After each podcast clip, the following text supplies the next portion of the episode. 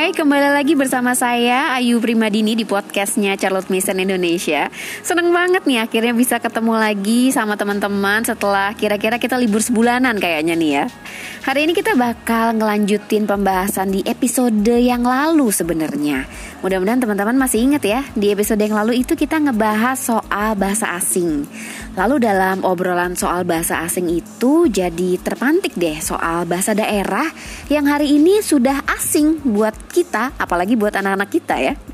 Nah, gara-gara ini saya jadi kepikiran untuk mengundang seseorang yang memang cukup pakar di bidang budaya dan bahasa daerah. Nah, kali ini saya akan ngobrol bareng dengan Pak Cahyono Raharjo ya. Beliau adalah seorang dosen di Unika Sugio Pranata Semarang. Beliau juga suka melatih dalang-dalang cilik dengan menggunakan bahasa Jawa ya. Sepanjang 69 tahun hidupnya beliau sudah melanglang buana ke mana-mana nih.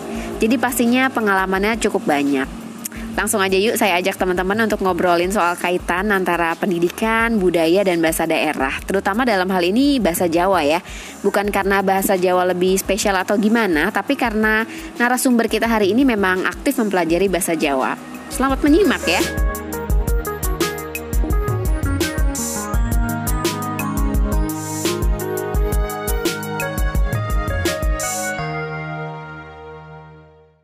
Bersama saya di sini sudah ada Pak Cahyono Raharjo ya, langsung dari Semarang nih ya Pak Cahyono ya.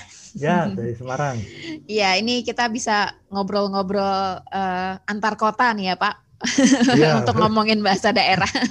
Oke. Okay.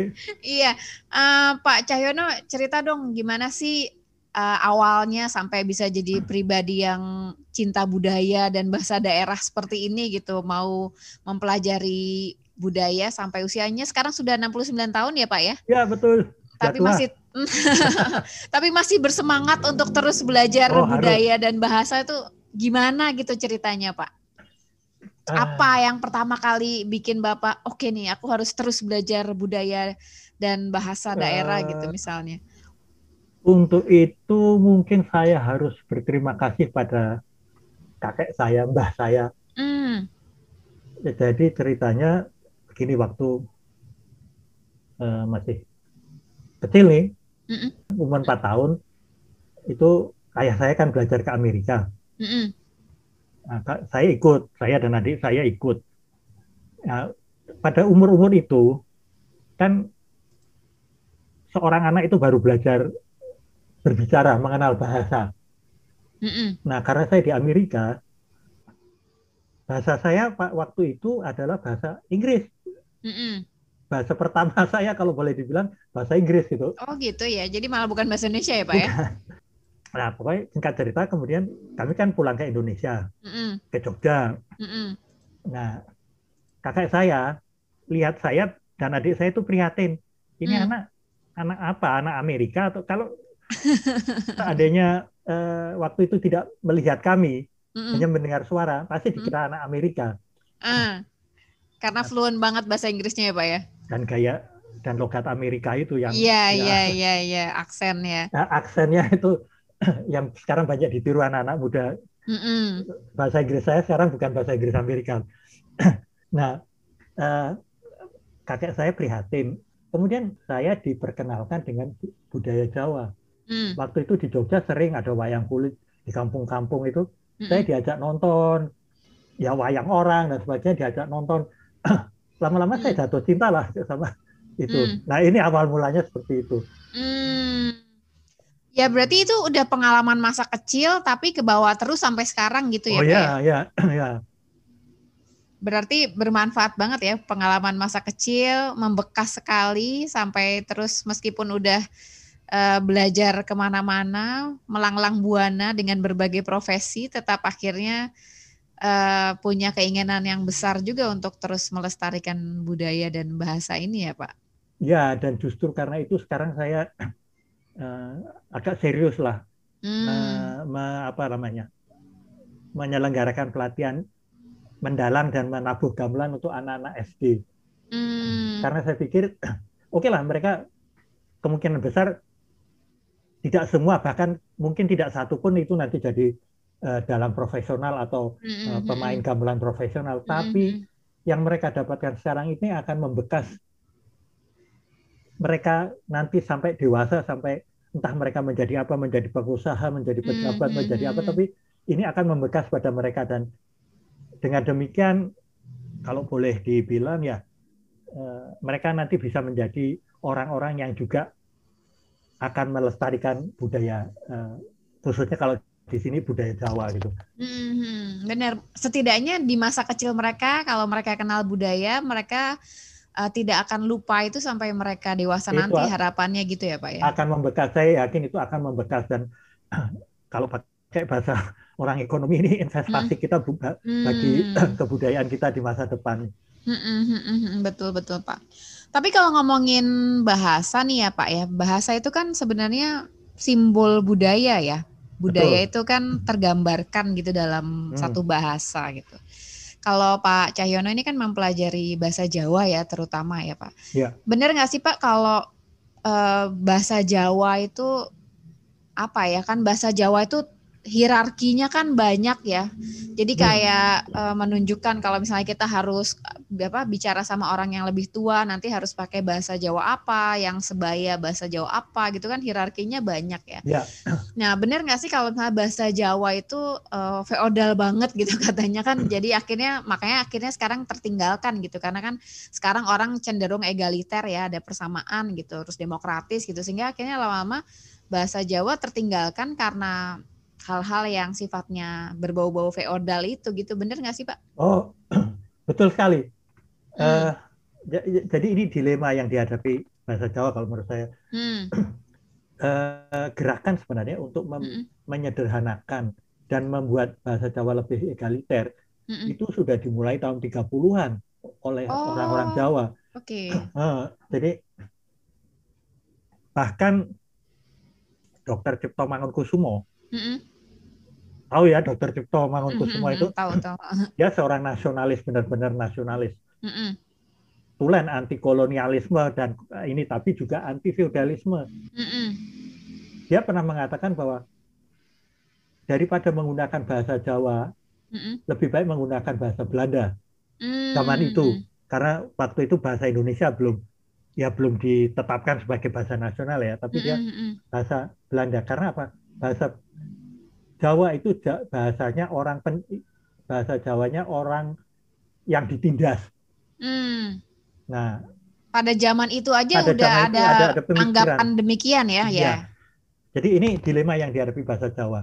Hmm. Di satu sisi, seperti saya juga antara bimbang dan bagaimana ya bahasa Jawa dengan segala tingkatannya yang seperti dulu tuh kalau menurut saya juga indah sebenarnya. Hmm. Tapi kalau dipakai untuk kehidupan sehari-hari sekarang, itu tidak cocok lagi. Hmm. Tidak egaliter yang jelas tadi ya kita sekarang sudah bukan hidup di zaman feodal. Kerajaan ya. Kerajaan dan ini jadi ya serba salah lah kita. Hmm. Tapi kalau menurut saya kalau mau tetap bertahan hmm. bahasa Jawa itu ya harus melakukan tanda petik reformasi. Hmm. Hal-hal yang sudah dilakukan yang sudah dirintis tahun 30-an ini perlu dilanjutkan. Hmm. Tapi di sisi lain ini, ini memang ada aliran yang berlawanan. Hmm. Eh, di Jawa Tengah ini khususnya kalau hmm. Mbak Ayu pernah menghadiri pengantin Jawa. Pernah. Upacara pengantin Jawa itu ada yang namanya Pranoto Coro, hmm, pembawa acara. Itu zaman dulu nggak ada loh itu. Hmm. Itu itu itu belakangan ini itu muncul oh, di zaman gitu ya? muncul di zaman Orba itu. Oke. Okay. Nah, Pranoto Coro ini menggunakan bahasa yang setinggi langit. Ah, betul itu Pak. Orang tidak Saya juga nggak ngerti. orang tidak paham, bahkan mungkin dia sendiri tidak paham. Ah. Karena itu hanya klise yang dia pakai. Dia hmm. ngambil dari bahasa eh, bahasa pedalangan, bahasa wayang dan sebagainya. Hmm. Nah, pernah pada satu acara membahas tentang bahasa, saya mengusulkan juga, kalaupun mau berbahasa Jawa ya sementara nggak usah terlalu direformasi, tapi gunakan bahasa Jawa yang yang lugas saja lah, yang sederhana ah, saja, yang tuh. bisa dipahami banyak orang itu. Hmm. Saya sampaikan itu di antara para pranoto coro dan memang saya coba pancing. Mungkin bapak-bapak karena waktu itu bapak semua tuh, mm -mm mungkin bapak-bapak juga tidak paham apa yang bapak ungkapkan itu kan bahasa yang sudah tinggal kalau istilah sekarang copy paste gitu. Mm-hmm. Waduh. Artinya dia hanya mengucapkan tanpa dia benar-benar paham uh, artinya uh, gitu ya Pak? Uh, uh. Itu marah mereka. Hmm. Saya dibully, ya udah nggak hmm. apa-apa. Memang tujuan saya biar mereka tergugah. Tapi ya itulah.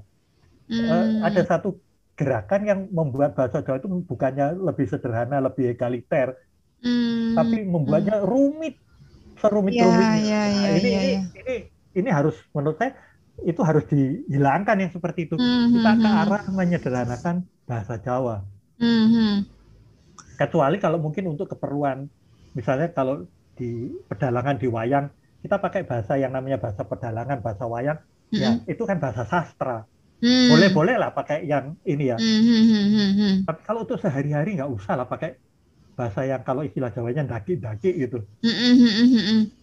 Artinya daripada bahasa Jawa itu ditinggalkan dan dianggap rumit, lebih baik pakailah bahasa Jawa yang sederhana tapi masih terus dipakai gitu ya Pak ya? Iya. Dan kalau mau ambil contoh, sebenarnya juga ada sih. Uh, di Jawa Tengah ini, di daerah Blora, di daerah Pati mm-hmm. itu ada yang namanya uh, sedulur sikep. Ah iya iya iya. Itu kalau orang biasa menyebutnya orang Samin. Betul. Tapi uh, Samin itu istilah yang tidak disukai oleh orang sikep sendiri karena itu pejoratif, merendahkan. Hmm. Mereka suka disebut sedulur sikep. Di antara hmm. sedulur sikep, di antara mereka hmm. itu menggunakan bahasa Jawa yang sama, setara. Hmm. Hmm. Bahasa Jawa ngoko campur ngoko campur kromo sedikit-sedikit. Mm -hmm. Tapi, tapi artinya sama gitu ya? Artinya okay. sama, tapi sederhana, nggak mm -hmm. tingkatannya tinggi-tinggi. Mm. Menarik juga yang namanya bahasa Jawa di keraton di antara para abdi dalam itu mm -hmm. ada yang namanya bahasa bagongan. Mm. Bahasa bagongan itu juga egaliter. Jadi mm. semua abdi dalam itu setara di situ. Mm-hmm. Kecuali kalau ngomong sama raja sama bangsawan-bangsawan, tapi di antara para abdi sendiri itu egaliter. Hmm. Nah, itu terus kalau kita agak jauh juga, kalau kita ke Surabaya, hmm, hmm. itu bahasa orang Surabaya kan egaliter. Iya, iya berbeda sekali dengan bahasa orang Jawa Tengah ya. Iya. Kita mau lebih jauh lagi di Suriname, orang Jawa di Suriname, hmm, hmm. itu mereka ngoko. Hmm. Baru belakangan aja mereka ini belajar bahasa Kromo. Nah ini saya sayangkan sebenarnya nggak perlu bahasa belajar bahasa Kromo dari orang Indonesia, dari orang Jawa. Hmm.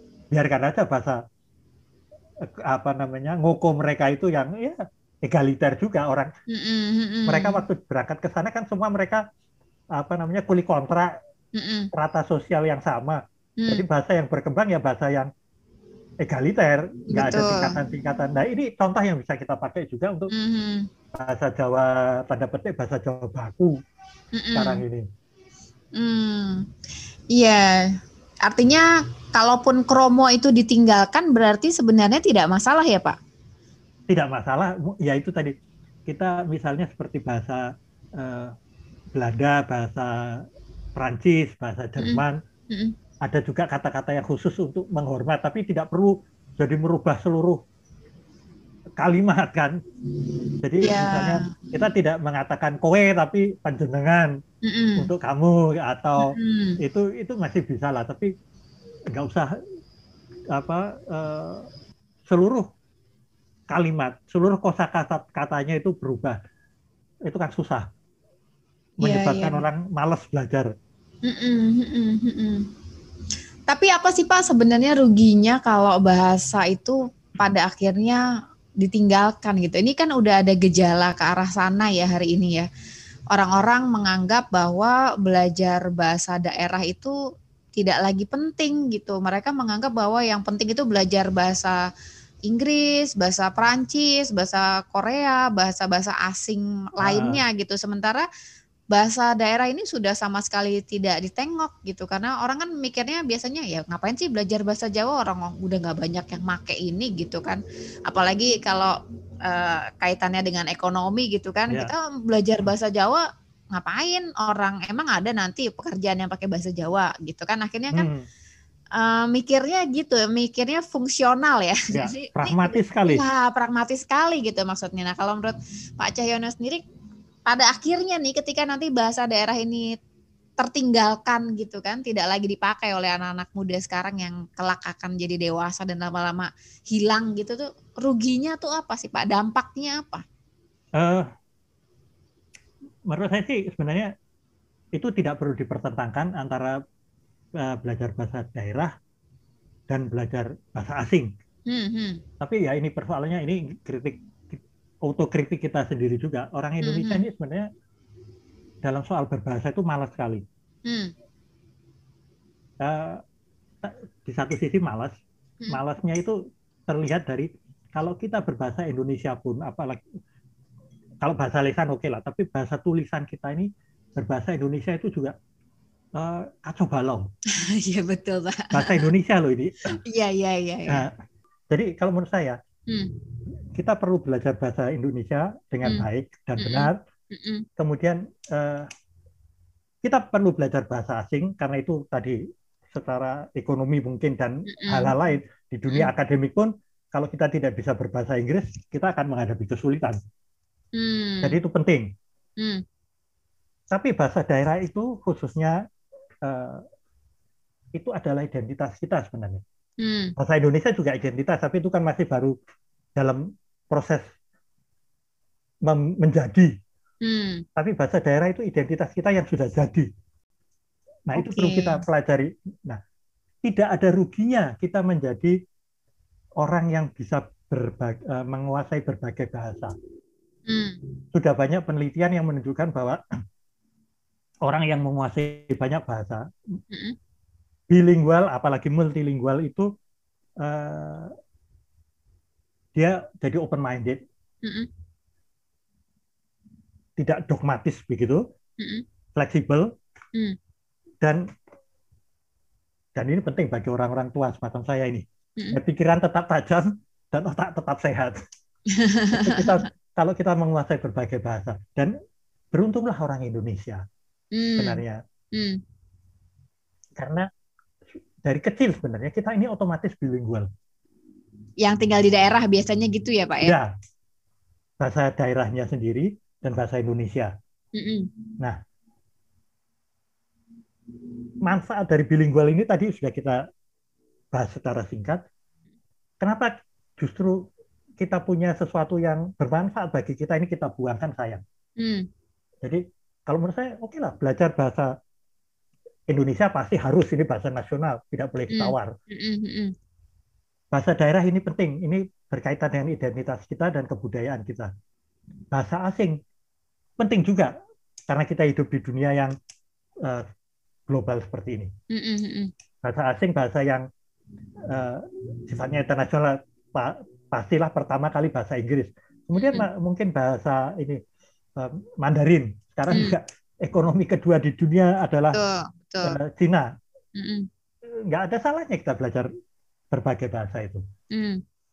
Nah, tapi kan akhirnya gitu Pak, maksudnya karena merasa apa perlu belajar bahasa-bahasa lainnya, akhirnya merasa bahwa belajar bahasa daerah ini tidak penting gitu, sehingga ya. akhirnya bahkan apa ya orang-orang di desa-desa sekalipun nih kalau saya pulang ke Jawa Tengah gitu kan ya orang-orang pun sudah enggan gitu bicara bahasa Jawa. Bahkan anak-anak muda-muda anak-anak kecil-kecil gitu kadang-kadang udah merasa bahwa aduh ngomongnya bahasa Indonesia aja lah gitu. Karena ngomong bahasa Jawa itu apa ya kelihatan terlalu desa gitu mungkin ya. apa gimana gitu kan. Jadi mereka malah berusaha banget untuk bicara bahasa Indonesia. Nah. Ini ini ada juga saya saya rasakan pengaruh media Ah, ah, ah, betul.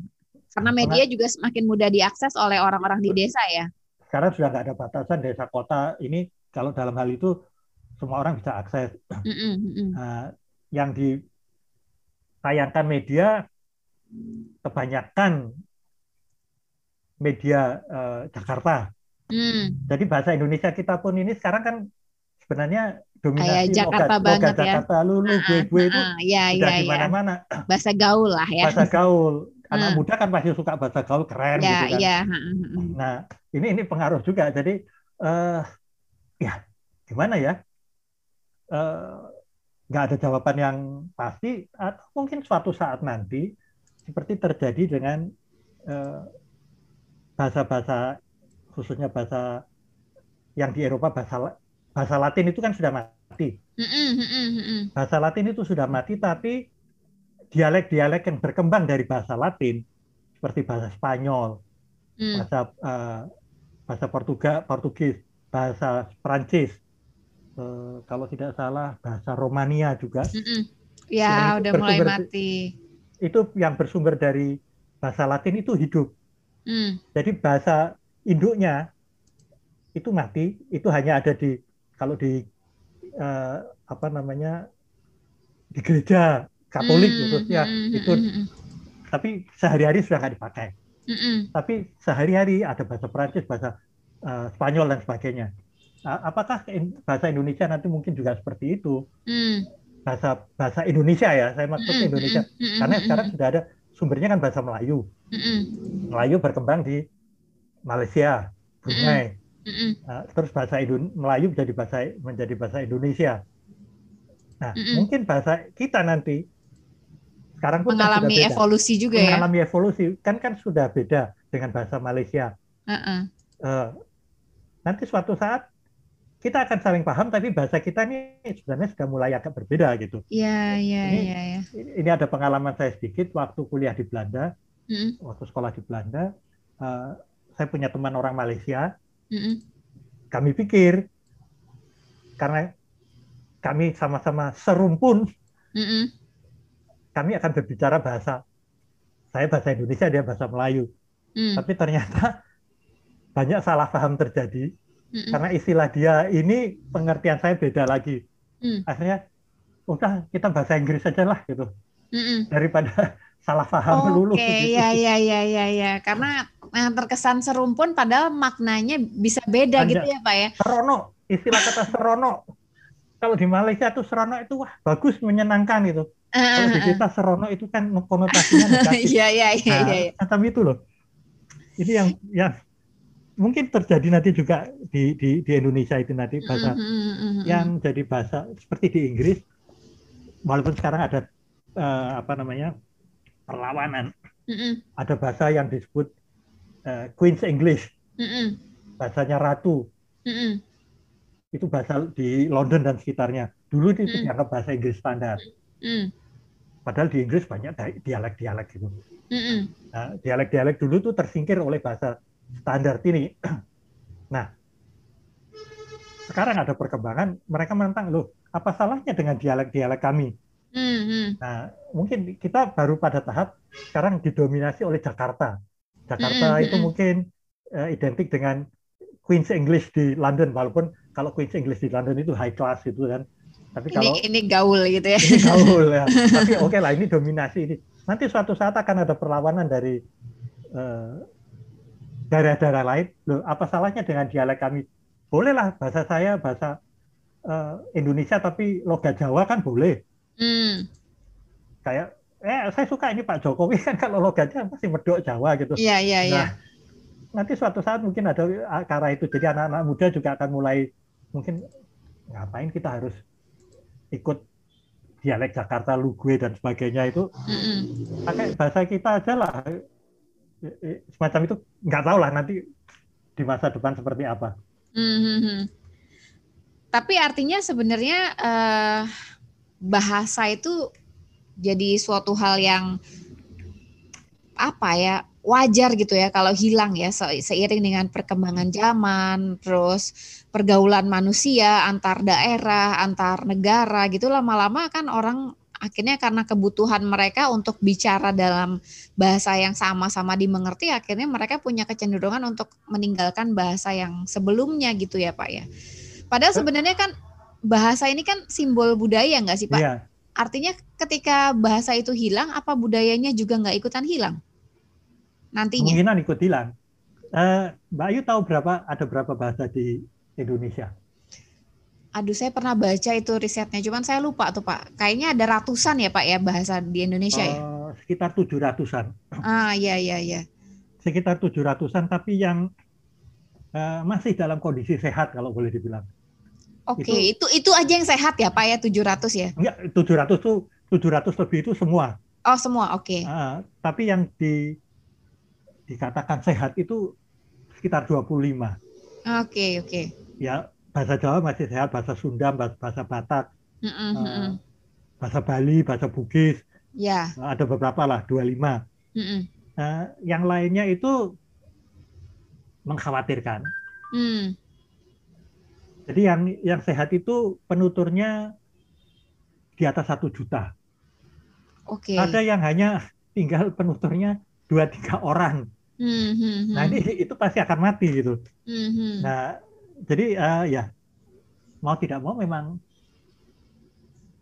akan ada yang hilang dan itu mungkin harga yang harus kita uh, bayar ya. bayar untuk uh, menetak pada waktu dulu itu termasuk kakek saya menandatangani Sumpah Pemuda satu bahasa Indonesia itu. Mm-hmm. Jadi uh, dengan demikian kan yang dapat prioritas bahasa Indonesia, bahasa bahasa nasional, bahasa yang lain uh, tidak mendapat perhatian, kurang hmm. mendapat perhatian. Tapi ya di sisi lain ini mengkhawatirkan juga karena tadi seperti Mbak Ayu sendiri katakan bahasa itu identitas, simbol budaya. Hmm. Berarti uh, itu akan terjadi kalau kadang-kadang kita bacakan genosida. Nah, ini ya bukan genosida dengan kekerasan tapi genosida pelan-pelan menghilangkan satu budaya, menghilangkan hmm. satu uh, bangsa gitu. Nah, hmm. ini ya gimana ya? uh, nah ini kalau kita kehilangan identitas ini menarik. Ada satu kasus ini di Afrika, uh. Uh. negara Kamerun.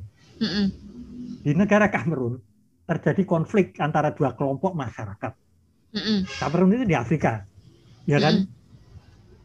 Mm-mm. Konfliknya itu konflik bahasa. Mm-mm. Nah, beda dengan konflik bahasa misalnya waktu dulu di eh, dan sekarang juga masih ada sih di Belgia antara mm. yang berbahasa Belanda bahasa Flams dengan yang berbahasa Prancis. Mm-mm. Itu memang bahasa mereka asli. Mm. Di Kamerun itu konfliknya antara penutur bahasa Inggris mm dan penutur bahasa Prancis. Mm. Itu dua-duanya bahasa penjajah.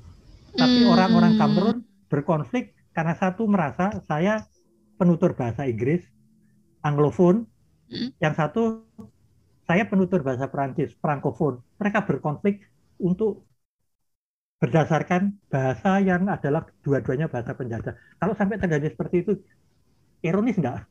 Ironis sekali ya Pak ya, makanya ya. ya. Nah, ini hal-hal semacam itu ya jangan sampai di kita kita kehilangan identitas kita sehingga identitas ya. kita mengambil identitas identitas orang lain, hmm. apalagi identitas bekas penjajah kita. Hmm.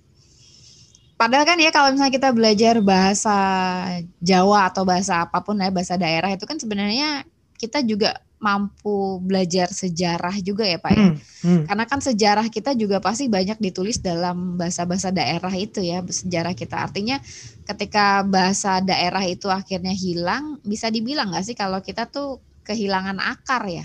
kehilangan identitas kita gitu kayak betul ini sekarang gini saya ah, mau masuk ke tadi tentang wayang mm-hmm. nah sekarang kalau kita nonton wayang wayang kulit di mm. Jawa ini unsur uh, hiburannya mm-hmm. unsur tontonannya itu yang lebih diutamakan mm.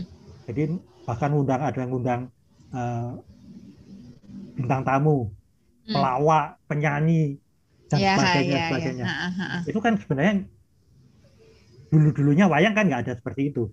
Mm -mm. Nah, kenapa seperti itu? Katanya itu permintaan penonton. Pen, mm. uh, penonton sekarang suka menghendaki hal-hal yang seperti itu. Oke, okay. mm. tetapi kenapa penonton menyukai seperti itu? Karena mereka sudah tidak paham ceritanya yang mm. diceritakan dalam bahasa Jawa. Mm. Padahal kalau paham bahasa Jawa, mm yang eh, narasi dalam narasi dalam yang dalam bahasa Jawa disebut janturan itu itu hmm. indah sekali sebenarnya bahasa Jawa hmm. sastra. Hmm, hmm, hmm, hmm. Nah, tapi karena sudah tidak paham itu dan tidak bisa merasakan keindahannya, lah buat apa saya nonton wayang? Nah. Apa yang mau saya dapat? Yang saya yang saya cari kemudian yang gampang saya terima, yang hmm. gampang hmm. saya cerna, yaitu hmm. lawaan-lawaan, hmm. penyanyi penyanyi dangdut dan sebagainya hmm. yang sebenarnya hmm. tidak ada kaitan dengan cerita. Hmm. Nah, hal-hal semacam itu nanti suatu saat dan ini sudah mulai terlihat pertunjukan hmm. wayang itu bukan lagi pertunjukan wayang tapi uh, apa ya istilahnya variety show. Hmm. Ada musik, ada lawa, ada entahlah nanti ada sulap, ada apa nggak tahu. Si dalang itu tinggal menjadi uh, semacam MC. Hmm. Ya sering begitu ke sekarang ya. Nah itu kan kalau menurut saya itu ya kehilangan kita kalau sampai hmm. terjadi seperti itu. Hmm, hmm, hmm. Dan kita akan kehilangan identitas budaya kita karena kalau uh, kita baca literatur-literatur Barat khususnya hmm. yang ditulis beberapa puluh tahun yang lalu misalnya hmm. sering dikatakan bahwa untuk mempelajari me, apa namanya memahami Indonesia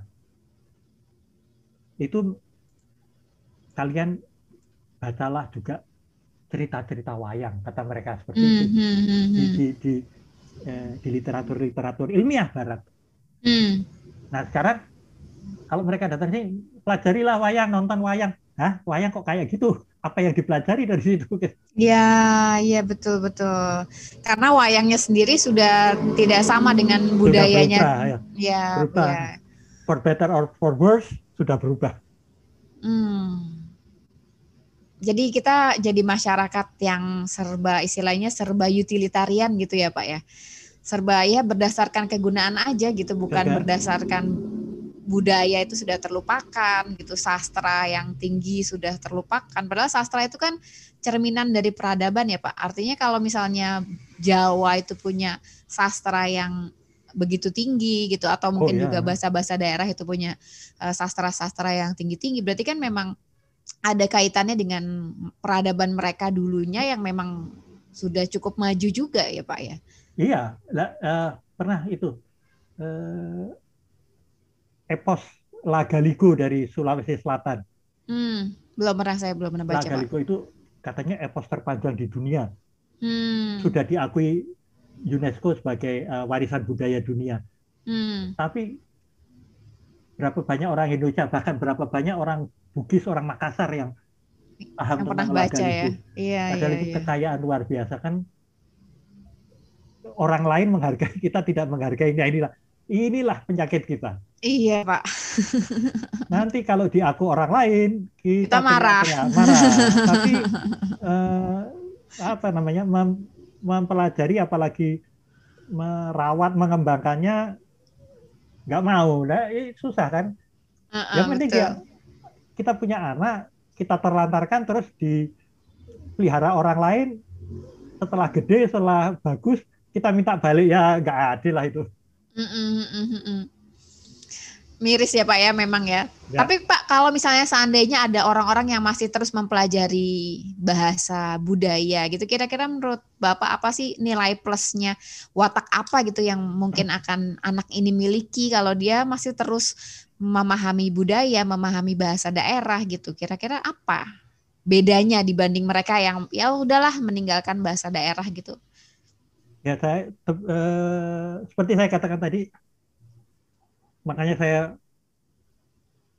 concern untuk mengajarkan walaupun dalam skop yang sangat sangat terbatas mm wayang dan gamelan pada anak-anak ini adalah anak-anak SD ini adalah supaya menjadi bekal mereka bukan berarti nanti mereka jadi dalang dan jadi penabuh gamelan mm -hmm. tetapi uh, memberi bekal pada mereka untuk nantinya harapannya ini mereka mm -hmm. itu open minded mm toleran pikirannya jadi dia bisa melihat berbagai karena dengan bahasa kita mempelajari budaya dia bisa melihat berbagai budaya makanya dari uh, karena itu saya harapkan orang itu juga multilingual paling mm. tidak bilingual mm. jadi dia bisa mempelajari ini uh, kita lebih toleran kita lebih uh, fleksibel mm.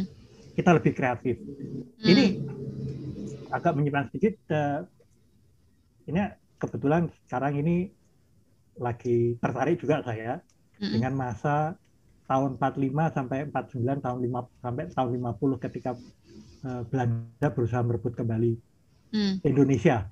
Mm. Setelah Jepang kalah berusaha merebut kembali Indonesia. Hmm. Nah, kita kan melihat kalau dari sisi dari sisi kita kita melihat waduh ini Belanda ini jahat gini gini gini gini nih hmm. ya kan tapi kalau kita bela, uh, membaca makanya saya itu kemudian sampai sekarang belajar bahasa Belanda itu karena bukan karena saya uh, apa cinta Belanda sih enggak tapi karena tadi belajar sejarah ya uh-uh. kalau kita membaca cerita yang disampaikan oleh narasi yang dibuat oleh orang Belanda sendiri masa hmm. itu juga masa yang traumatis buat mereka Hmm. Anak-anak muda Belanda umur 20 21 hmm. masih muda sekali hmm. uh, direkrut untuk dikirim ke Indonesia, ya? Indonesia ya? untuk hmm. mereka dikasih tahu ini untuk me mengamankan situasi di sana, menenteramkan situasi di sana.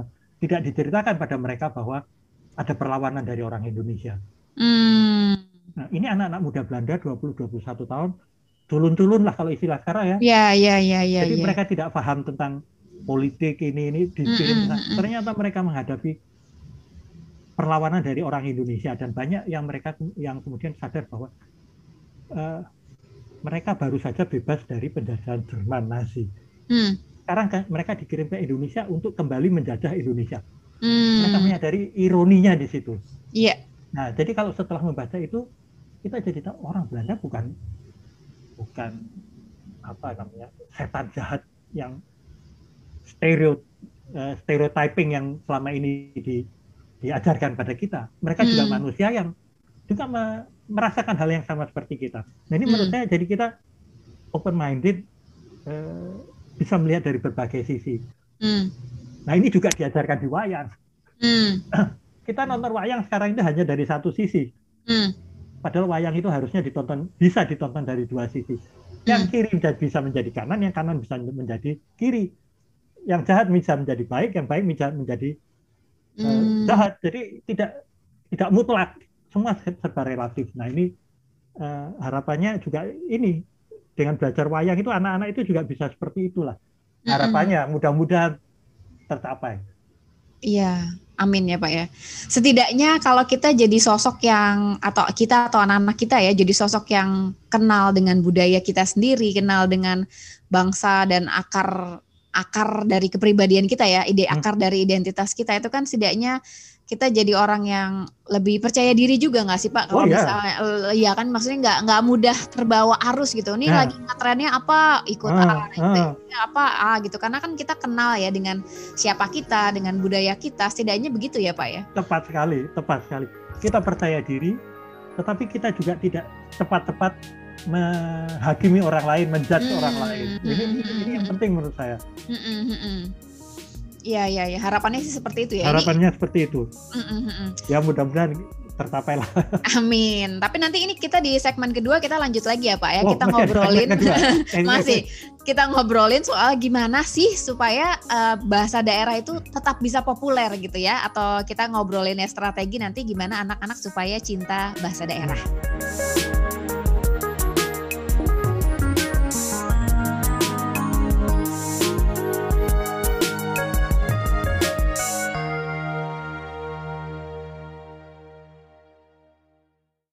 Oke, kalau tadi di segmen satu kita udah ngobrolin ya soal uh, apa sih efeknya kalau budaya atau bahasa daerah itu nantinya tertinggalkan. Nah, tentu kita perlu juga nih ngomongin soal uh, gimana caranya supaya anak-anak itu tetap bisa cinta sama bahasa daerah. Nah, kalau Pak Cahyono sendiri menurut Bapak apa sih yang harus kita lakukan supaya bahasa daerah itu tetap populer, Pak? Sekarang kan nggak populer ya. Nah, biar tetap populer tuh gimana caranya? Ya, ya ada beberapa. Saya sih nggak bisa. Saya juga tidak punya jawaban yang pasti ya. Tapi satu hal uh, ini peran orang tua. Dan kalau saya mengatakan orang tua itu bukan hanya orang tua ayah dan ibu, mm -hmm. tapi uh, apalagi di masyarakat kita yang paternalistik, mm -hmm. itu orang-orang yang lebih senior mm pejabat dan sebagainya itu itu punya peranan penting. Mm. Uh, lagi-lagi di masyarakat paternalistik keteladanan itu penting. Mm. Jadi uh, orang tua misalnya tadi juga sudah saya singgung uh, yang merasa ahli, merasa menguasai misalnya bahasa daerah. Jangan sekali-kali mencela, membuli. Misalnya anak muda, anak kecil salah berbahasa daerah. Mm. Nah, misalnya kalau di bahasa Jawa ya, kalau biasa kan aku armangan, saya mau makan gitu. Mm. Soalnya Mbak Ayu tadi menyebut sarapan, jadi saya ingat makan. Mm -mm. Aku armangan. Mm -mm. Nah, kemudian anak muda yang tidak terlalu paham bahasa Jawa mm. berbicara dengan orang tua, mm. uh, dia pakai bahasa kromo, kromo mm. Inggil. Mm -mm. Dipikirnya asal dirubah bahasa kromo Inggil itu sudah benar. Mm. Aku armangan, jadi pulau badi dahar. Mm, Memang mm. bahasa Inggris kromo Inggilnya kan dahar. Mm, mm, mm, Tapi lah ini repotnya bahasa Jawa itu dahar itu hanya untuk orang lain, menghormati mm. untuk menghormati orang lain. Kalau untuk kita sendiri, pulau badi nedo. Mm. Nah, ini orang tua jangan oh bocah kurang ajar. Nah, EDW kok dibasake. Nah, ha, ha, ha, ha, ini, ini jangan sampai ya dikasih tahu lah sedikit-sedikit pelan-pelan. Itu satu. Mm tapi yang sudah kita singgung juga di depan, kalau menurut uh, saya supaya menghindari hal semacam itu yang hmm. menyebabkan karena kalau ditegur anak muda kan jadi sekarang udahlah nggak usah ngomong mm. pakai ini bahasa Indonesia saja tadi ya. Mm. Ya itu tadi kita coba orang-orang yang peduli bahasa Jawa, budaya Jawa dilakukan dan pemerintah tentu saja mm. karena otoritas kan ada di pemerintah lakukan sekarang upaya untuk menyederhanakan mungkin eh, bukan banyak bukan hanya bahasa Jawa saya pikir bahasa bahasa daerah lain pun cukup rumit tapi eh, tidak serumit bahasa Jawa kecuali mungkin Sunda ya Sunda juga serumit bahasa Jawa hmm. bahasa daerah itu coba disederhanakan di eh, apa namanya dibuat sehingga relevan dengan zaman sekarang hilangkan hmm. unsur-unsur feodalnya hmm. hmm.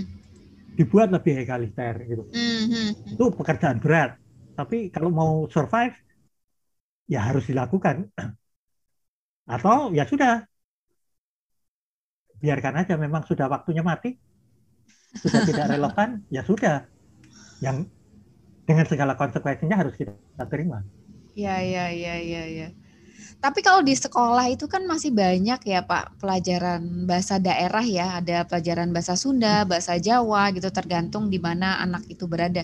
Nah, menurut Bapak pelajaran bahasa daerah di sekolah itu bagaimana? Apa sudah cukup efektif atau belum? Uh, ya tergantung siapa gurunya. Mm-hmm. Tentu saja. Tapi yang saya lihat ada sebagian guru itu sebenarnya juga tidak tidak menguasai bahasa Jawa dengan benar. Kemudian materi yang diajarkan itu juga tidak relevan lagi. Uh, ada pelajaran nama anak-anak binatang, anak kodok jenenge opo, anak apa bebek jenenge opo, itu ngapain anak kota hmm. yang tidak melihat bebek aja jarang-jarang. Nah, diajari seperti itu tidak relevan. Jadi kalau hmm. mau ini hmm. ya bahannya juga dibuat relevan, gurunya hmm. juga juga cukup menguasai uh, materi yang diajarkan. Hmm. Artinya gurunya tuh juga harus cinta bahasa itu sendiri, bukan sekedar mengajar karena semata-mata dia harus mengajar gitu ya, ya Pak ya. ya, ya. Dia cinta dan dia menguasai, ya, kemudian menguasai. materinya juga relevan sehingga anak-anak bisa suka sama bahasa itu gitu uh, ya Pak ya. Dan itu menurut saya juga tidak hanya berlaku untuk bahasa daerah atau bahasa Jawa, tapi untuk semua mata pelajaran kan guru ya. itu harus benar-benar uh, cinta gitu. Cinta gitu ya. Ya, ya, guru yang guru dari saya SD sampai sampai perguruan tinggi lah, mm -mm. yang sampai sekarang berbekas berkesan bagi saya itu, mm. ya itu tadi guru-guru yang ter, terlihat dia itu mencintai apa yang dia ajarkan itu, dia menguasai mm. itu karena dia cinta. Mm -mm itu kalau kalau yang hanya sekedar mengajar itu nggak nggak ada di memori saya sekarang. Iya, iya, iya, iya, memang ya. Nah, kalau dari uh, pengalaman Bapak sendiri, dari tadi kan Bapak cerita ya, kalau misalnya suka mendampingi anak-anak muda belajar bahasa daerah, wayang gitu ya. Mm-hmm. Cara apa sih yang sebenarnya paling mengena? Karena Pak Cahyono ini kan juga guru gitu ya, jadi ya. Uh, ya cara apa yang paling mengena buat anak muda supaya mereka tuh tetap suka gitu sama bahasa daerah? Cara apa yang efektif dan cara apa yang tidak efektif gitu? Uh, karena kita sekarang zaman sekarang ya mm beri kesan pada mereka bahwa yang mereka pelajari itu sesuatu yang cool. Ah, ya, ya, ya, ya itu harus ada ya Pak ya image ada, itu ya. Untuk anak-anak itu. Jadi uh, kita tunjukkan bahwa dalam itu cool. Nah, begamelan hmm, itu cool. Hmm. Nari Jawa itu cool. Hmm, hmm, hmm. Dan memang uh, ya saya tidak meng mengklaim bahwa itu hasil saya, tapi ada beberapa anak yang ya sekarang mereka dengan bangga mengatakan, wah saya bisa menari Jawa, saya bisa dalam, bisa ini, itu mereka bangga. Hmm. Nah ini ini penting kebanggaan. Hmm. Nah kebanggaan itu dibangkitkan dengan merubah image bahwa ini kuno, ini ketinggalan zaman, ini hmm. entah apa menjadi sesuatu yang cool, hmm. yang keren gitu. Nah ini hmm. ini perlu dirubah. Uh, tanda, uh, itu dan itu bisa dilakukan. Hmm. Artinya kita membutuhkan peran public-public figure juga kali ya Pak ya. Kalau di Instagram itu kan ada ya, selebgram, ya, ada selebriti gitu. Oh, Mereka harus, itu harus. sebenarnya punya peran ya untuk bikin budaya atau bahasa ini jadi tren juga gitu ya, hmm, ya Pak hmm. sebenarnya ya. Ya ini sebenarnya saya agak mendua dalam hal ini tapi tadi kembali anakmu sekarang lebih suka belajar bahasa Inggris, bahasa asing lainnya gitu ya. Ha, ha, ha. Nah, jadi ada, ada rasa rendah diri. Saya manfaatkan juga rasa rendah diri itu. Hmm. Uh, karena waktu di Belanda ini kebetulan saya juga dulu ikut ikut grup gamelan orang Belanda. Mm -hmm. Jadi ada kelompok gamelan orang Belanda. Waktu itu saya satu-satunya orang Indonesia yang ikut. Mm -hmm. Sampai sekarang saya masih kontak dengan mereka Nah ini saya tunjukkan pada teman-teman ini. Inilah orang belajar teman-teman saya dulu hmm? belajar ini. Nah ya ini sebenarnya salah saya memanfaatkan rasa rendah diri. Oh boleh aja belajar gamelan kok berarti keren ya ini. Hmm. Ya ini untuk untuk langkah awal oke okay lah saya manfaatkan itu tapi sebenarnya saya juga kurang kurang cocok. Kenapa kita harus kalau orang bule belajar terus kita mau kenapa harus nunggu orang bule? Tapi ya udah lagi betul betul. Itu banyak banget kan kayak misalnya di uh, YouTube itu suka banyak orang bule nyanyi lagu lagu-lagu Jawa lagu nah, daerah nah. kayak gitu-gitu kan. Kemudian kita jadi wah orang bule uh, nyanyi lagu Jawa gitu kan. Jadi ngerasa keren gitu. Padahal kita juga nggak bisa sih gitu. Cuma ngerasa keren aja gitu ya dengan Dan kayak gitu. yang yang yang menyedihkan itu, waduh boleh aja belajar ini, saya nggak bisa ini nih. Ya udah nah. berhenti sampai di situ. Nah. Bukannya tergugah untuk belajar, tapi cuma terkagum-kagum aja. Nah ini. Iya iya iya. Ya. Itu tapi, saya juga kayak gitu sih Pak, malu deh jadinya. Iya iya iya. Nah itu kan masalah juga kayak gitu nih Pak. Kayak saya ya, saya juga keturunan Jawa gitu, tapi saya nggak oh, okay. bisa nggak bisa bahasa Jawa juga gitu tapi karena besarnya saya besar di Jakarta ya. Iya, karena saya dari lahir tinggal di Jakarta gitu. Nah ini masalah kalau kayak gini gimana nih Pak? Maksudnya kalau orang tuanya nggak bisa bahasa daerah gitu kan, bagaimana supaya kita tuh bisa membantu anak-anak bisa belajar bahasa daerah juga gitu. Harus mulai dari mana gitu loh Pak. Ini kan kita saking udah merasa asingnya ya dengan budaya daerah dan nggak hmm. ada les bahasa Jawa gitu kan. Kalau anak-anak mau mau ada les bahasa Inggris, les bahasa Perancis, les bahasa Belanda kan ada gitu Pak. Ada. Nah sekarang kalau misalnya saya gitu kan ya nggak bisa bahasa Jawa, saya ingin sekali mengajarkan anak saya bahasa Jawa gitu tapi harus mulai dari mana gitu kan bingung gitu loh pak iya, iya, bapak betul. gimana dong solusinya nih uh, tapi bahasa Jawa kan masih bisa kan? Mbak Ayu masih bisa bahasa Jawa? Nggak bisa Pak. Saya kadang-kadang kalau ngomong ada orang ngomong bahasa Jawa tuh kadang-kadang mengerti, kadang-kadang nggak tergantung tingkat kesulitannya. Lebih ya. sering nggak ngerti sih kalau udah bahasa Jawa ketemu bahasa uh. Jawa terus gitu udah. Uh, aku ada di mana ya gitu, rooming gitu kayaknya. Ya, saya nggak punya jawaban yang pasti sih, tapi uh, mungkin saya saya ambil contoh saya belajar bahasa Belanda. Mm -mm. Saya sekolah di Belanda memang uh, ya tahulah sedikit-sedikit bahasa Belanda tapi kan masih tingkat untuk belanja di pasar gitu. Uh, namun setelah kembali ke Indonesia saya merasa bahwa kalau saya ingin tahu lebih banyak tentang Indonesia, mm. kalau saya ingin belajar lebih banyak tentang Indonesia, mau tidak mau saya harus belajar bahasa Belanda karena mm. banyak dokumen-dokumen tulisan-tulisan tentang Indonesia itu dalam bahasa Belanda. Betul, nah, betul. Ini nah, anak saya lagi belajar bahasa Belanda juga karena alasan. Nah, bagus lah itu. Terus Jadi, Pak? Uh, bukan belajar bahasa Belanda untuk keren-kerenan. Terus kalau ngomong sama teman, kemudian dikasih satu patah, dua patah kata Belanda, sama sekali enggak. Saya nggak pernah mm. begitu. Mm Berbahasa Indonesia juga saya tidak terus setiap kalimat saya tambahi istilah bahasa Inggris itu itu saya hindari.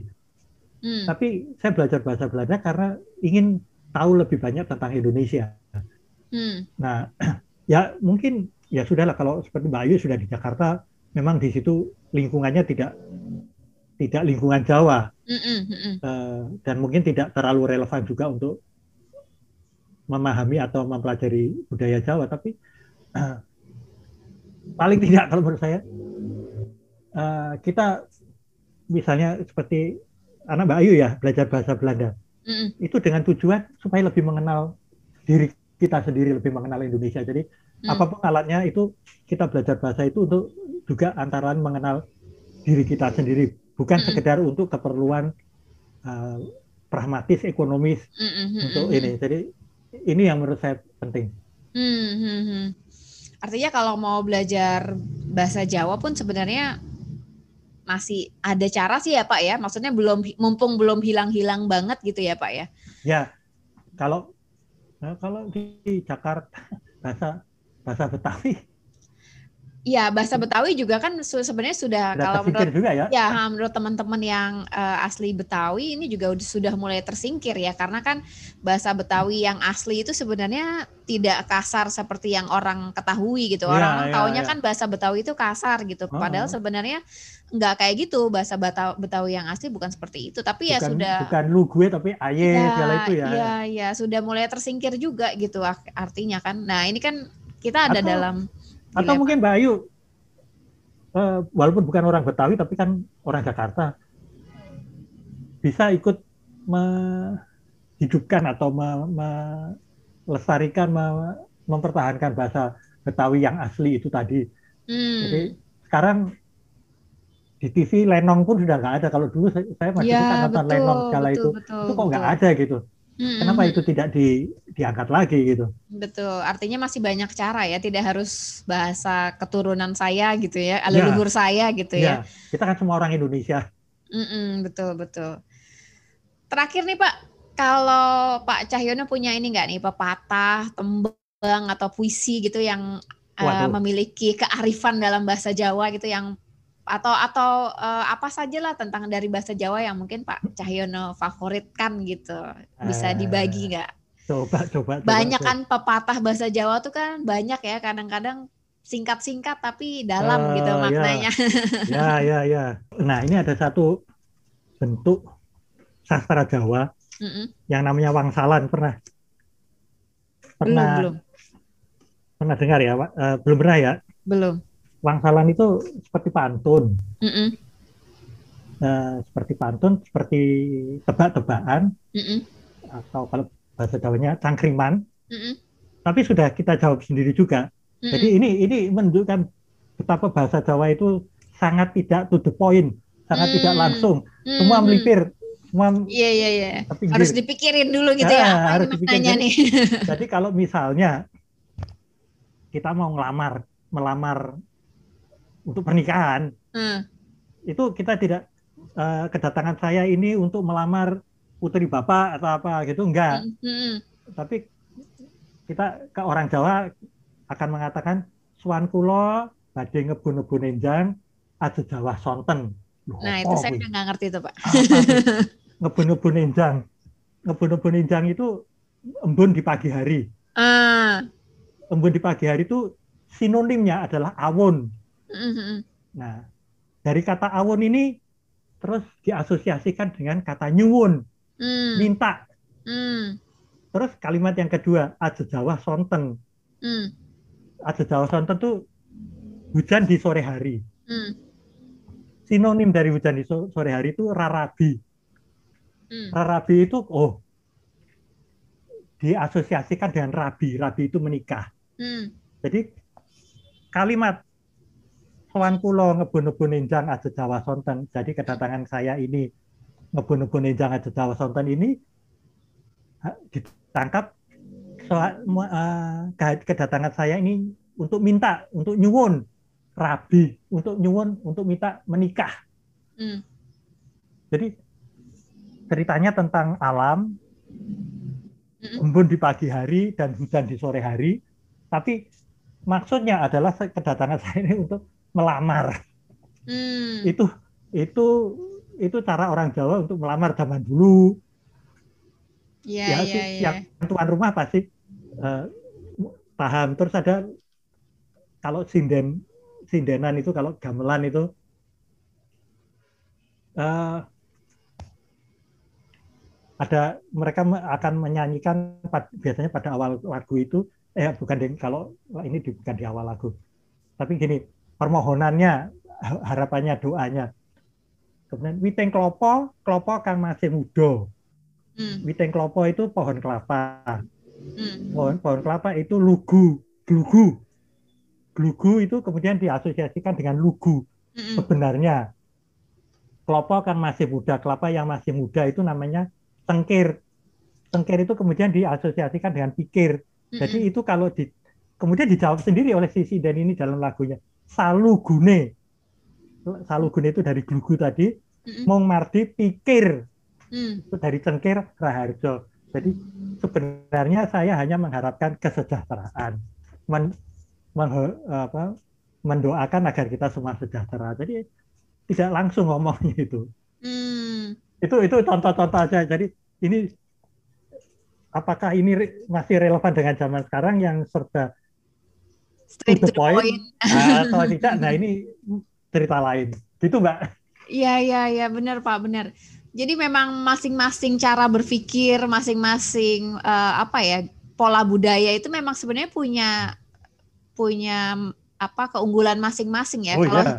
kalau straight to the point itu kan orang akan semakin jelas proses komunikasinya. Tapi kan sebenarnya kalau dengerin Pak Cahyono tadi cerita ini kan kalau kita tuh punya pola pemikiran kayak gitu tuh jadi apa ya? Jadi proses berpikir kita jadi lebih tinggi juga gitu yeah. kan. Jadi jadi lebih panjang ini apa maksudnya gitu kan. Otak kita kan ini dan ini juga menghindari misalnya pada waktu mengajukan lamaran tadi mm-hmm. itu kan tuh, tidak langsung to the point tapi dengan wangsalan semacam itu.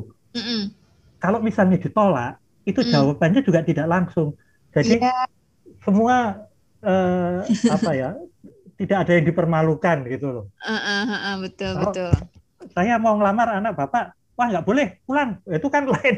Iya yeah, nah, iya. Ini, ini dijawabnya juga muter-muter oh sama-sama paham tapi sama-sama juga tidak dipermalukan gitu.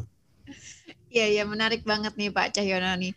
Sayang kita udah berbincang-bincang panjang banget nih ya. Oke, okay, ya, ya. Padahal seru banget nih ya sebenarnya perbincangan tentang bahasa daerah ini. Sebenarnya sih harapan kita cuman uh, ingin memantik teman-teman pendengar aja nih sih Pak. Hmm. hmm, hmm. Supaya uh, ya kita boleh lah ya belajar bahasa asing. Penting juga belajar bahasa asing harus. seperti Kalau menurut saya harus. Ya betul bahasa harus. Inggris itu mutlak sekarang. Betul suka, betul. Tidak suka harus. Betul. Ataupun bahasa asing yang lain pun ya. sekarang juga dibutuhkan ya. Hmm. Karena kan kita makin sering juga nih berelasi dengan orang-orang dari mancanegara betul. juga kan ya. Tapi tentunya juga jangan dilupakan bahasa daerah kita ya, karena itu kan ya budaya kita, kekayaan kita. kita, betul kekayaan kita. Jangan sampai kayak Pak Cahyono bilang tadi gitu, giliran udah diakui orang luar kita baru mau ngakuin, tapi hmm. kalau misalnya belum diakui kita meninggalkan bahasa ini gitu hmm. ya. Jadi harapannya uh, teman-teman di rumah mungkin anak-anaknya juga mulai belajar bahasa asing lah, eh, bahasa daerah lah ya sebagai jadi nggak asing-asing banget lah bahasa ya. daerah ini ya. Baik, terima kasih banyak Pak Cahyono atas kesediaannya nih ngobrol-ngobrol di podcast kita hari ini. Terima Sem kasih Mbak Ayu. Ya, saya senang banget nih bisa bincang-bincang dengan Pak Cahyono. Semoga Sama -sama selalu juga. Selalu sehat ya Pak. Kapan-kapan ya. mungkin bisa belajar dalang dan belajar bahasa Jawa langsung nih okay. dari Pak Cahyono. Ya. Terima kasih juga teman-teman pendengar sudah mendengar obrolan kami hari ini. Sampai jumpa lagi di episode berikutnya tentu dengan tema-tema yang lebih baru lagi dan yang berbeda. Sampai jumpa di episode berikutnya. Dadah.